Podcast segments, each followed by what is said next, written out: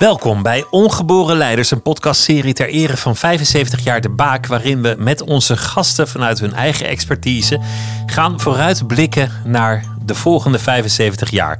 En uh, nu zit ik met Hajar Jacobi en die zou je kunnen kennen omdat zij uh, onder meer uh, bij de jeugddelegatie bij de VN is geweest en daar ook de Verenigde Naties in New York heeft mogen toespreken namens haar generatie Gen Z. Welkom. Dankjewel. Superleuk dat ik hier mag zijn. Hoe, hoe was dat eigenlijk om, om namens een hele generatie daar ineens de, de VN, dus, dus in zekere zin de wereld, toe te mogen spreken? Ja, um, uh, ja, dat, dat, was, dat was heel bijzonder. Uh, en voelde ook als een hele grote verantwoordelijkheid. En, en misschien ook goed om te zeggen dat als, we, als we daar dan naartoe gaan als jongerenvertegenwoordigers, uh, dan um, spreken we in Nederland ook heel veel jongeren. Dus we zijn eigenlijk het hele jaar door bezig met langsgaan bij scholen, jongeren in jeugdgevangenissen, jeugdzorginstellingen. Dus heel erg om die input op te halen van hen. En dat verwerken we dan in speeches die we binnen de overheidsdelegatie van Nederland geven bij de VN. nou, bijvoorbeeld op zo'n algemene vergadering. Dus, dus de vraag die, die je dan stelt aan iedereen is: wat zou je willen van het leiderschap? Wat, wat zouden jullie willen dat daar gezegd wordt tegen de mensen die nu de macht hebben? Ja, bijvoorbeeld. En um, ja, leiderschap, duurzaamheid, uh, mensenrechten, gelijkheid. Dat zijn thema's waar ik het veel uh, met, met jongeren over heb gehad. Uh, en dat zijn ook vaak thema's die je toch wel vaak uh, terug hoort komen, die ze heel belangrijk vinden.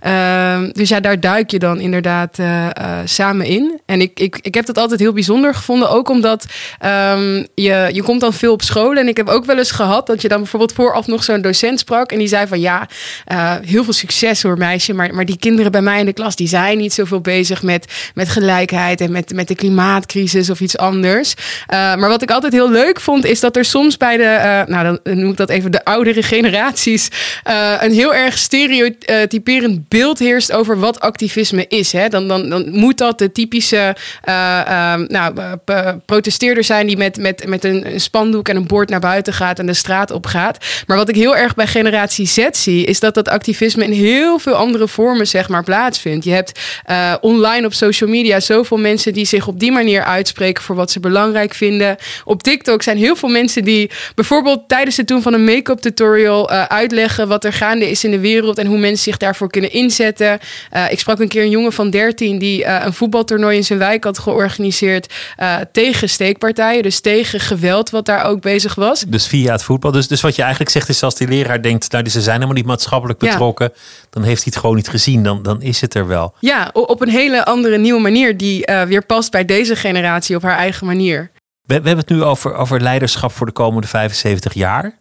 Mensen worden steeds ouder, dus dit zou jij mee kunnen maken over 75 jaar. Ja. Voor mezelf, ik maak me niet zoveel illusies, maar jij kan er over 75 jaar daadwerkelijk nog zijn. Nog zijn. En, en, je had het over uh, collectieve ervaringen. Een, een, van de, een van de grote verschillen is dat jij nooit zonder internet hebt geleefd. Klopt, ja. En zonder mobiele telefoon en al dat soort technologische veranderingen. Dat is een groot verschil al. Ja, ja, ja, en we zijn er ook op ingedeeld. Dus als je gaat kijken wanneer begint generatie Z. Uh, dat start in 1995 tot en met 2010. Dus iedereen die in, in die tijdsperiode geboren is. En dat is dus omdat 1995 het jaar ongeveer is waarin het internet mainstream was. Wat, wat nog meer? Wat, wat bepaalt generatie Z?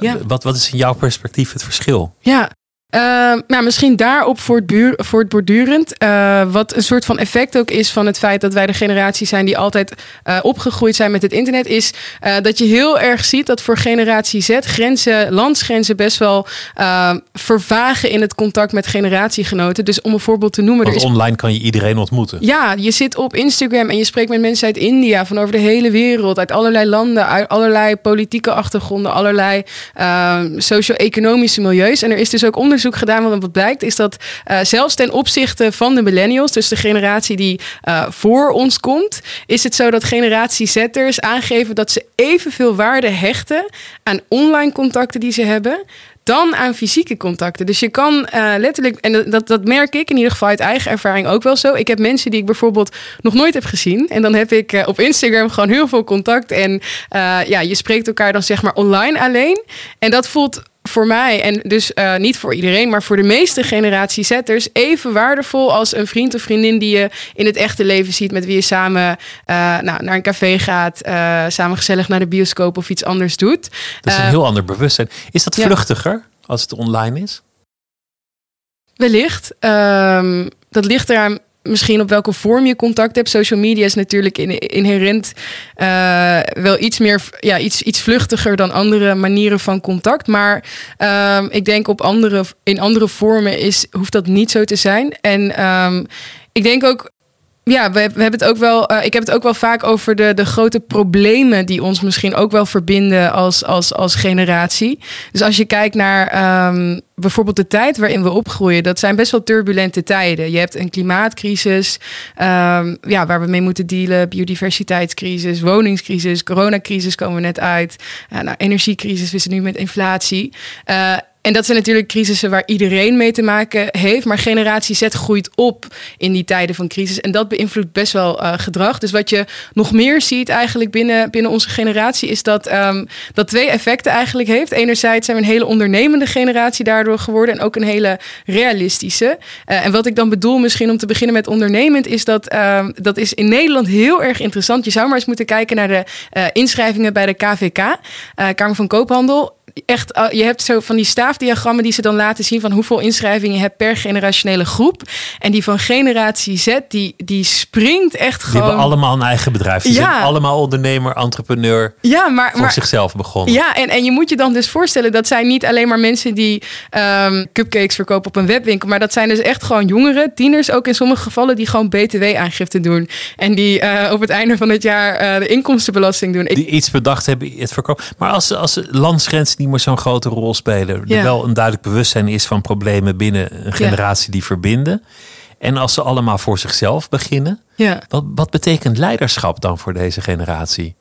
Dan, dan heb je dus niet meer zoveel belang voor een ouderwetse president of een ouderwetse baas. Ja. Wat, wat is leiderschap dan nog? Goeie vraag. Uh, ik denk Eén ding dat ik heel erg zie is leiderschap het gaat heel veel meer over diversiteit, over verbinding zoeken met elkaar.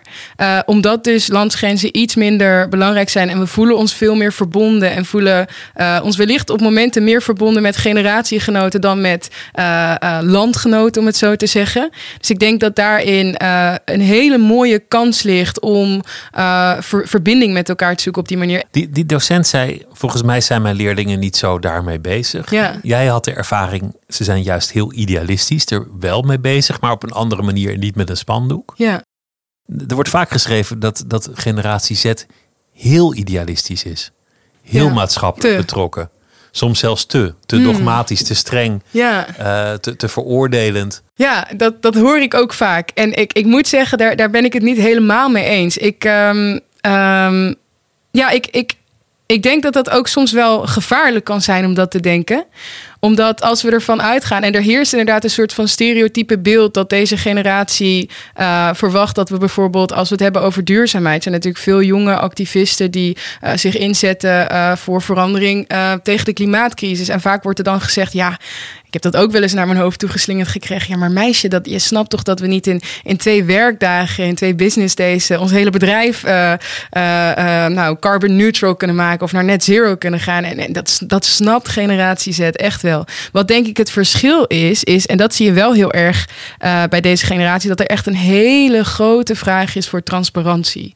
Dus um, wij snappen echt wel als generatie Z, als jonge generatie, dat je inderdaad niet binnen twee werkdagen ervoor kan zorgen dat alle pensioenen van je werknemers niet meer in, in fossiel geïnvesteerd zijn. Of uh, dat je ervoor zorgt dat je, uh, dat je als bank geen investeringen meer doet in, in nou, fossiele bronnen of in andere, in de wapenindustrie of iets anders. Maar tegelijkertijd willen we daar wel heel graag transparantie bij. ik, heb, ik heb altijd een verhaal waar ik dan aan moet denken. Een goede vriendin van mij, die was toen ze 17 was, was uitgenodigd om naar New York te gaan um, voor een conferentie van Converse, het schoenenmerk. Um, hele, want ze hadden een hele mooie campagne gelanceerd. Die ging over mensenrechten en gelijkheid. Uh, dus ze hadden allemaal jonge generatie Z-tieners uitgenodigd. Dus zij gingen naartoe. Uh, nou, bij binnenkomst kregen ze een nieuw paar Converse schoenen. Uh, nou, gewoon zo gekregen. Dus nieuwe, nieuwe schoenen die ze mochten houden. Maar toen, op een gegeven moment, uh, was er een panel met uh, um, de, uh, de productiedirecteur van Converse. en die vriendin van mij die vroeg aan haar: um, hoe vertaalt deze hele campagne over mensen zich, mensenrechten zich binnen jullie waardeketen, binnen jullie productieproces? En die vrouw die was toen even stil en die zei: ja, what a good question. Wat een goede vraag. Uh, weet je wat? Ik ga heel even met een collega van mij contact zoeken. En dan beloof ik dat ik vanavond nog bij die vraag van jou terugkom. Um, nou, goed. Die vrouw ging dus weg, vriendin mij ook. En op een gegeven moment, op het einde van de avond, kwam ze haar weer tegen. En toen zei ze samen met, met haar vriendinnen ook van... oh, heb je nog een antwoord op mijn vraag? En toen uh, trok die uh, productiemanager, die trok een telefoon zo uit haar zak. Die zei ja. En ze opende dus een mailtje dat ze terug had gekregen... van de marketing director van Converse. En daarin stond... We respect human rights. Full stop. Dat was de enige zin. Nou, je kan je voorstellen dat het deze nou, digital native, tech-savvy generatie Z uh, tienermeisjes niet lang uh, kostte om even te googlen en erachter te komen dat uh, de, de mensen die werken in de fabrieken voor Converse, die de schoenen maken, dat, dat zij helemaal geen leefbaar loon krijgen, bijvoorbeeld ook. dus toen ze daarachter kwamen, zijn ze terug naar de, naar de receptie bij de binnenkomst gegaan. Hebben ze die schoenen die ze hebben gekregen teruggegeven en dus gezegd tegen Converse dat ze daar transparanter over moeten zijn en beter hun best moeten doen. En de vraag die je volgens mij ook stelt, Pieter, is: wat verwacht generatie Z dan wel van leiderschap? Wat verwachten we wel dat er gebeurt? Nou, dat gaat dus niet over dat we in één keer dat alles perfect is meteen en dat in één keer alles uh, een omslag maakt. Maar het gaat echt over die transparantie. Het gaat transparantie eigenlijk. en, en wat, ja. wat want, want generatie Z, daarvan wordt gezegd dat als ze ergens gaan werken, dat ze, dat ze een soort intrinsieke motivatie zoeken. Ja. Uh, dat ze op idealistisch vlak het eens willen zijn met het bedrijf waarmee ze in zee gaan of waar, waar ze voor gaan werken. Ja. Dat, dat vergt dus een ander soort motivatie. Ja. En, Heel erg inhoudelijk gedreven, maar ook idealistisch gedreven. Ja, en, en Herken dus, jij dat? Ja, totaal. Uh, ik herken dat bij mezelf. Ik herken dat ook bij veel generatiegenoten. Um, dat zie je ook terug in de markten volgens mij. Want ik, uh, ik heb bijvoorbeeld heel veel vrienden van mij die bijvoorbeeld uh, waarvoor duurzaamheid een hele belangrijke waarde is. En die zeggen bijvoorbeeld, nou, ik zou niet bij een, bij een Shell willen werken of bij um, een, een, ander bedrijf wat bijvoorbeeld binnen de fossiele sector zit of ergens anders. Zie je overigens ook bij die bedrijven, want die hebben een hele, hele grote tekorten aan talent en kennis. jong talent, jonge kennis die, die, die, die niet meer daar willen werken. En dat heeft dus echt te maken met, um, uh, met die waarden die naar de voorgrond geduwd moeten worden. Dus ook nog dat, dat voorbeeld dat ik net bijvoorbeeld noem over Converse. Wat, wat gaat daar eigenlijk in mis? Enerzijds zie je dat ze bijvoorbeeld in de uh, exposure naar buiten toe heel erg hameren op waarden als mensenrechten en gelijkheid die ze belangrijk vinden. Maar je ziet dat het niet doordruppelt door de hele waardeketen van het bedrijf. En dat is iets wat generatie Z ook zegt. Van hey, als je waarde hebt, dan willen we dat die op alle plekken terug te zien zijn. We, we willen het wel zien. Je kan niet niet met een, met een slogan je er, er vanaf maken. Ja, niet ik, alleen... wil, ik wil even mee, met je terug. Ik ga even met je terug naar het um, moment dat je die, die vergadering toespreekt. Ja. Rond diezelfde tijd had je ook een, een examen in accountancy. Ja. Een moeilijk examen boekhoudkunde. Zeker, ja. En dat liep door elkaar. S'avonds was je aan het leren, overdag ja. sprak je wereldleiders toe. En toen kwam je tot het inzicht op basis van dat boekhoud-ding van eigenlijk is winst is omzet minus de kosten. Ja. Dat is ongeveer regel nummer één van, van boekhouden. Ja, precies. De enige regel overigens waar ik dat examen mee inging. Dus je kan invullen hoe goed dat is gegaan. Hoe goed dat uiteindelijk ging. ja. En, en toen zag je eigenlijk in van... hé, hey, één gedachte bepaalt al het denken. Totaal, ja. En die ene gedachte kunnen we veranderen. Ja. Want, want als, je, als je op een andere manier naar winst kijkt... en op een andere manier naar kosten... wat Ja. zijn de werkelijke kosten... en hoeveel winst heb je dan eigenlijk gemaakt... Ja, Reken natures mee Ja. in je kosten. de impact daarop. Ja. Re- Reken het impact op andere sectoren mee in je kosten. En je, hebt, Ja. je hebt ineens een hele andere som. Dus, dus dat werd voor jou toen een groot inzicht. Totaal. En ook nog, nog extra, omdat dat dus tijdens de UN Climate Action Summit was. Dus ik, ik, ik uh, ja, dat, dat was zo schrijnend eigenlijk. Want hoe jij het net schetst, ik was overdag dan echt in gesprek met mensen uit het bedrijfsleven, politieke leiders, uh, de jonge activisten aan het zijn. En te zeggen van jongens, uh, we weten hoe erg de tijd dringt. We weten hoe snel we die omslag moeten maken. En dan in de avond was ik precies dezelfde systemen die eigenlijk, nou ja, die, die, ja, toch die oude manier van denken in stand houden. Die was ik mezelf aan het leren voor dat, voor dat financial accounting exam. En ik had het eerst niet door, maar ergens halverwege die week was er echt een moment dat ik inderdaad dacht: oh mijn god. Dit is het. Als, Hier ja, zit het. Hier zit het, ja. En uh, wat je net schetst, vind ik ook een mooi voorbeeld van dus die transparantie. Want uh, wat ik inderdaad toen heel erg inzag en, en nu ook heel erg voor pleit. En, en er zijn gelukkig ook bedrijven die daar stappen in aan het maken zijn. Is dat we veel transparanter moeten zijn over eigenlijk de regels van het systeem. Een beetje de regels van het spel. Dus dat je transparanter bent over, over hoe je product tot stand komt. Wat, je, wat je precies Want het is kosten ook, maakt. ja, het is ook niet volledig. We zijn op een bepaalde manier echt waardeblind. Uh, want op een winst- en verliesrekening van een, van een bedrijf... dan rekenen we alleen maar af voor de financiële kosten. Geen één bedrijf die, uh, die betaalt voor de, uh, de, de giftige chemicaliën... die we de lucht in pompen bij het produceren. Voor ontbossing die in het hele productieproces of, of ontstaat. het ontlenen van grondstoffen aan, ja, aan, aan water de aarde. depletion. maar ook bijvoorbeeld onderbetaling in de waardeketen... waar we het ook over hadden met dat voorbeeld van Converse. En stel je nou voor dat je dat wel zou doen. Hè? Dat je zou zeggen van oké, we gaan ook afrekenen. We gaan op eenzelfde manier afrekenen voor milieukosten... en voor uh, de kosten die we de, de maatschappij aan, aanrichten... als dat we doen voor financiële kosten. Dan is ook dit hele concept van winstmaximalisatie... wat, wat, wat nagestreefd wordt in, in, in, in de economie... zou een totaal andere betekenis krijgen. Dan zou het letterlijk binnen het belang van het bedrijf zijn... om er ook voor te zorgen dat die, dat die, uh, dat die milieukosten... en dat die uh, maatschappijkosten zo laag mogelijk zijn. Dus je stelt eigenlijk dan andere doelen aan wanneer iets, iets geslaagd is. Ja. Hoe, hoe denk je dat, wat voor leiders jouw generatie gaat voortbrengen? Hoe zullen de leiders van, van generatie Z anders zijn dan die van generaties daarvoor? Goeie, ik, ik, ik denk uh, dat leiders van mijn generatie in ieder geval echt met een veel groter urgentiebesef uh, in zo'n bestuurskamer gaan zitten.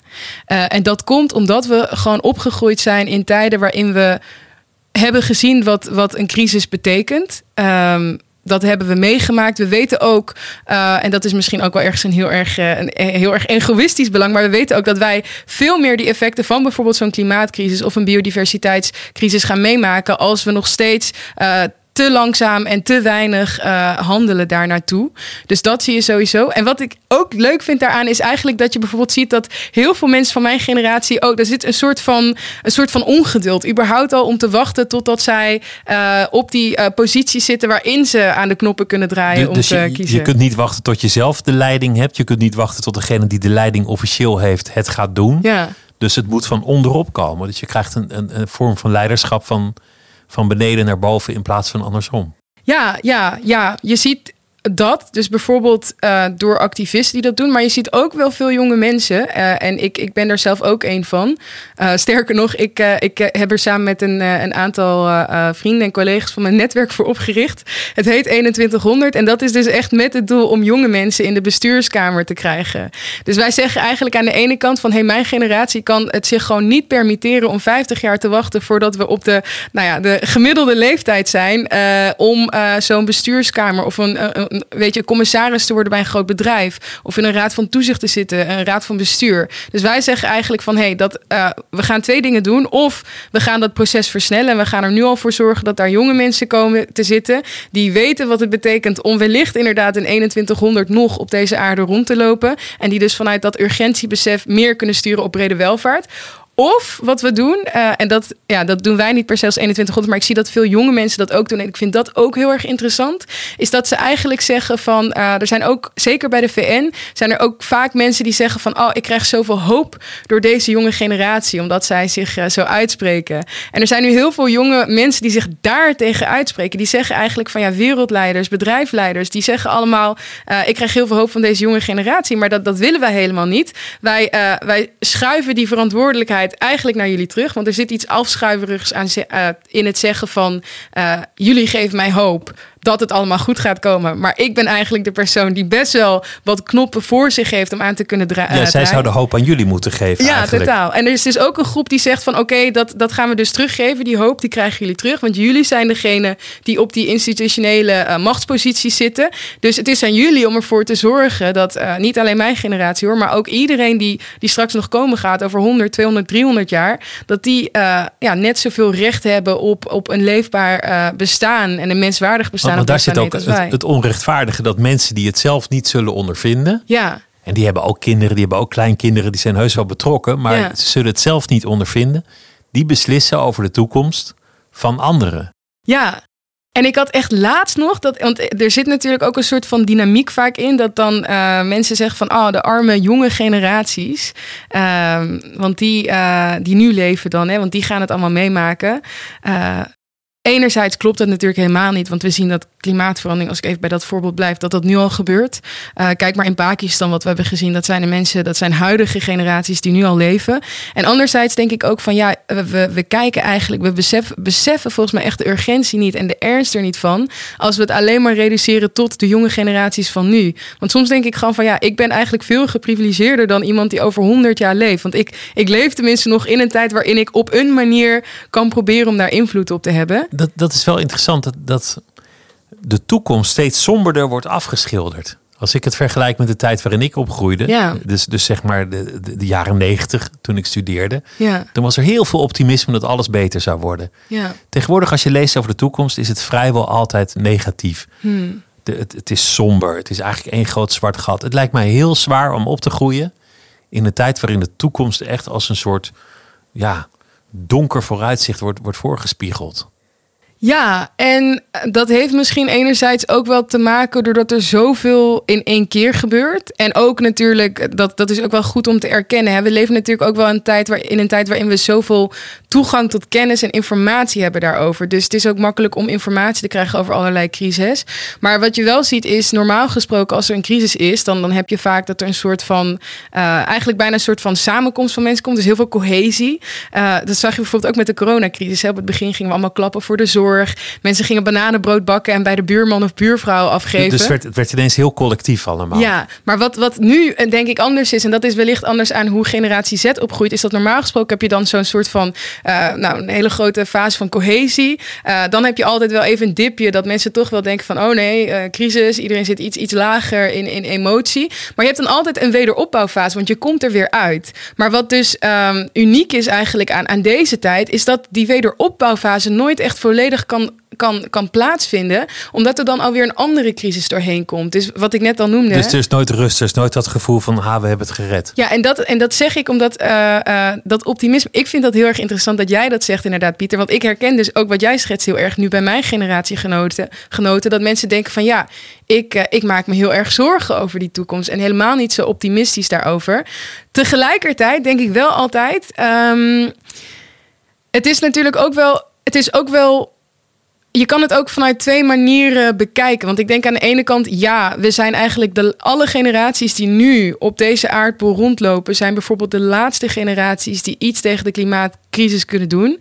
Dus eh, aan de ene kant kan je zeggen, we zijn de laatste hoop die we hebben.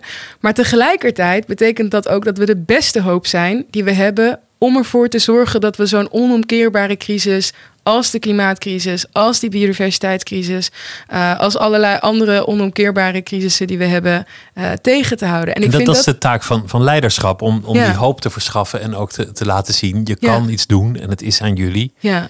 En er moet iets gebeuren. Ja, en ik denk dat kwetsbaarheid daar ook heel belangrijk in is. Um, kwetsbaarheid van het leiderschap. Ja, totaal. Ik, uh, ik weet nog die conferentie waar we het over hadden toen ik 19 was. Ik weet nog dat ik op een gegeven moment uh, door de wandelgangen van de VN aan het lopen was. En ik kwam een meneer tegen. Um, en ik was in de rij voor, voor de koffie in de pauze. Uh, en wij raakten op een gegeven moment aan de praat. Dus hij vroeg mij op een gegeven moment wat mijn rol was. En ik vertelde hem dat ik jongerenvertegenwoordiger was. En ik zag al bij het woordje jongeren dat zijn wenkbrauwen helemaal samen, samenknepen in een diepe frons. en hij zei ze tegen mij, oh, jongeren. En ik zo, ja. En toen was er even zo'n hele ongemakkelijke stilte. Maar toen zei hij op een gegeven moment van mij: Weet je wat het is? Het is allemaal leuk en aardig met jullie jongeren. Maar jullie zouden eigenlijk moeten wachten tot jullie wat ouder zijn. Want jullie zien, je ziet eigenlijk nu al dat jongeren veel te emotioneel zijn om, uh, om de grote wereldproblematiek aan te kunnen.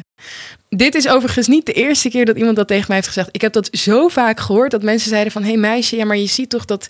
dat zijn best wel zware onderwerpen... en wacht nou maar totdat... totdat uh, terwijl, terwijl jij eigenlijk zegt dat, dat, dat zou juist een eigenschap van leiderschap moeten zijn... dat je emotioneel ja, bent. Ja, want, want ik denk altijd van hoe, hoe makkelijk is het eigenlijk... om een soort van muur op te trekken... en heel apathisch te doen over de staat van de wereld... en hoe moeilijk is het eigenlijk om ergens te gaan staan... Uh, en het te hebben over iets wat je veel doet... zoveel dat je er zelfs emotioneel over wordt. En dan toch uh, je uitspreken over dat wat je raakt. Ik denk dat dat veel meer dapperheid vereist uh, dan die apathie die je vaak ziet. Sterker nog, ik denk dat het, een, dat het voor een te lange tijd uh, die apathie is geweest die ervoor heeft gezorgd dat we veel van de problemen hebben die er nu zijn. En dat zie ik wel bij mijn generatie, dat die openheid um, en, en, en die emotie, dat durven laten zien dat iets wat met je doet, dat is volgens mij echt wel wat er nodig is. En dat vergt wel kwetsbaarheid. Dat is wel, wel interessant. Dat, dat vroeger was het beeld van de leider een soort vaderfiguur. Ja. Een leider stond boven de mensen. Ja. Zei hoe het moest. Ja. Was ook autoritair, eiste dat. Ja. Was zelf ook hard. Liet niet veel van zijn gevoelens zien. Ja. Wist alles zeker, want anders gaan ze twijfelen aan je leiderschap. En, en had ook absolute macht. Want anders ben je geen leider. Ja. En alles wat jij zegt staat er haaks op. Ja. Dus een leider is divers van identiteit. Een leider vraagt in plaats van dat hij altijd uitlegt. Is kwetsbaar. Kwetsbaar, toont onzekerheden, zegt wat hij niet weet. En probeert ook eigenlijk veel meer uh, leiding te geven aan ideeën. In plaats van dat hij concrete macht heeft om ze altijd uit te voeren. Ja. Dus hij hoeft niet de autoriteit te zijn. Ja, Totaal, perfect samengevat volgens dus mij. het is een totaal ander leiderschap eigenlijk. Ja, dat is het. En, en, en um, ja, dat, dat raakt aan zoveel. Hè? Ik bedoel, kwetsbaarheid, dat is voor mij ook dapperheid. Dus ik denk ergens van dat laat volgens mij nog meer zien dat je iets durft. Maar ook wat je zegt, um, uh, laten zien dat je niet altijd iets hoeft te weten. Ik denk, um, dat is zo'n dat is, dat is iets wat ik nu vaak zie schuren. In ieder geval de kringen waarin, waar ik in zit. Tussen jonge mensen en uh, gevestigde bestuurders die dan wat ouder zijn. Wat, wat maakt dat vaak? Uh, wat we al eerder noemden. Hè? Je hebt ook dat stereotype beeld van mijn generatie dat we willen dat alles snel verandert en dat we helemaal niet realistisch zijn over hoe snel dat kan. Dat, oprecht, ik denk dus echt dat dat, dat dat niet klopt. Maar je ziet dus vaak ook dat um, gesprek met mijn generatie soms uit de weg wordt gegaan door bedrijfsleiders, politieke leiders, omdat ze dus denken van oh, ik moet alle antwoorden meteen op tafel hebben, anders is het niet, niet goed. Toch, toch een beetje beangstigd. Nou, misschien wel. We zijn, we zijn ook best wel een enge generatie, als ik heel eerlijk ben. Intimiderend in die zin misschien. Ja, maar dat is intimiderend omdat er ook een valse verwachting aan, aan, aan, aan leiders zelf op die manier wordt opgehangen. Want niemand verwacht, niemand verwacht uh, dat je alle antwoorden hebt. In essentie gaat het gewoon over ga in gesprek met generatie Z. Uh, ik, ik, ik denk dat het heel tof zou zijn en dat we echt toe moeten naar een systeem waarin jonge mensen ook gewoon in de bestuurskamer zitten. Ook onderdeel zijn van de Raad van Commissarissen. Maar dat kan ook op andere manieren. Je kan er ook naartoe werken door bijvoorbeeld een, een, een generatie Z-mentor te hebben. Een soort van omgekeerde mentor. Dat niet een jong iemand aan het mentoren bent, maar pak een generatie Z er bij de kraag binnen je organisatie. En ga gewoon twee keer per maand met hen zitten om een beetje te horen wat er binnen, wat er vanuit hun visie uh, uh, anders zou kunnen binnen ja, de organisatie. Of gewoon vragen stellen, dat is altijd heel klassiek. Ja. Wat, wat zou tot slot jouw advies zijn aan, aan de leiders van de toekomst? En, en misschien ook wel meer je, je, je verlangen. Wat, wat zou jij willen van de leiders van de toekomst? Hmm. En dat zijn de mensen die leiders gaan worden of die nu leider zijn? De, de mensen die de komende 75 jaar gaan bepalen. Wauw. Mooie vraag. Ik hoop dat we op een manier gaan leiden waarbij menselijke waardigheid voorop staat. Omdat ik echt geloof dat we op dit moment op een manier omgaan met de aarde, met elkaar, waarbij we niet volledig oog hebben voor wat, wat dat betekent voor menselijke waardigheid. Dus als we het hebben over uh, de planetaire uitputting, die maar door en door gaat.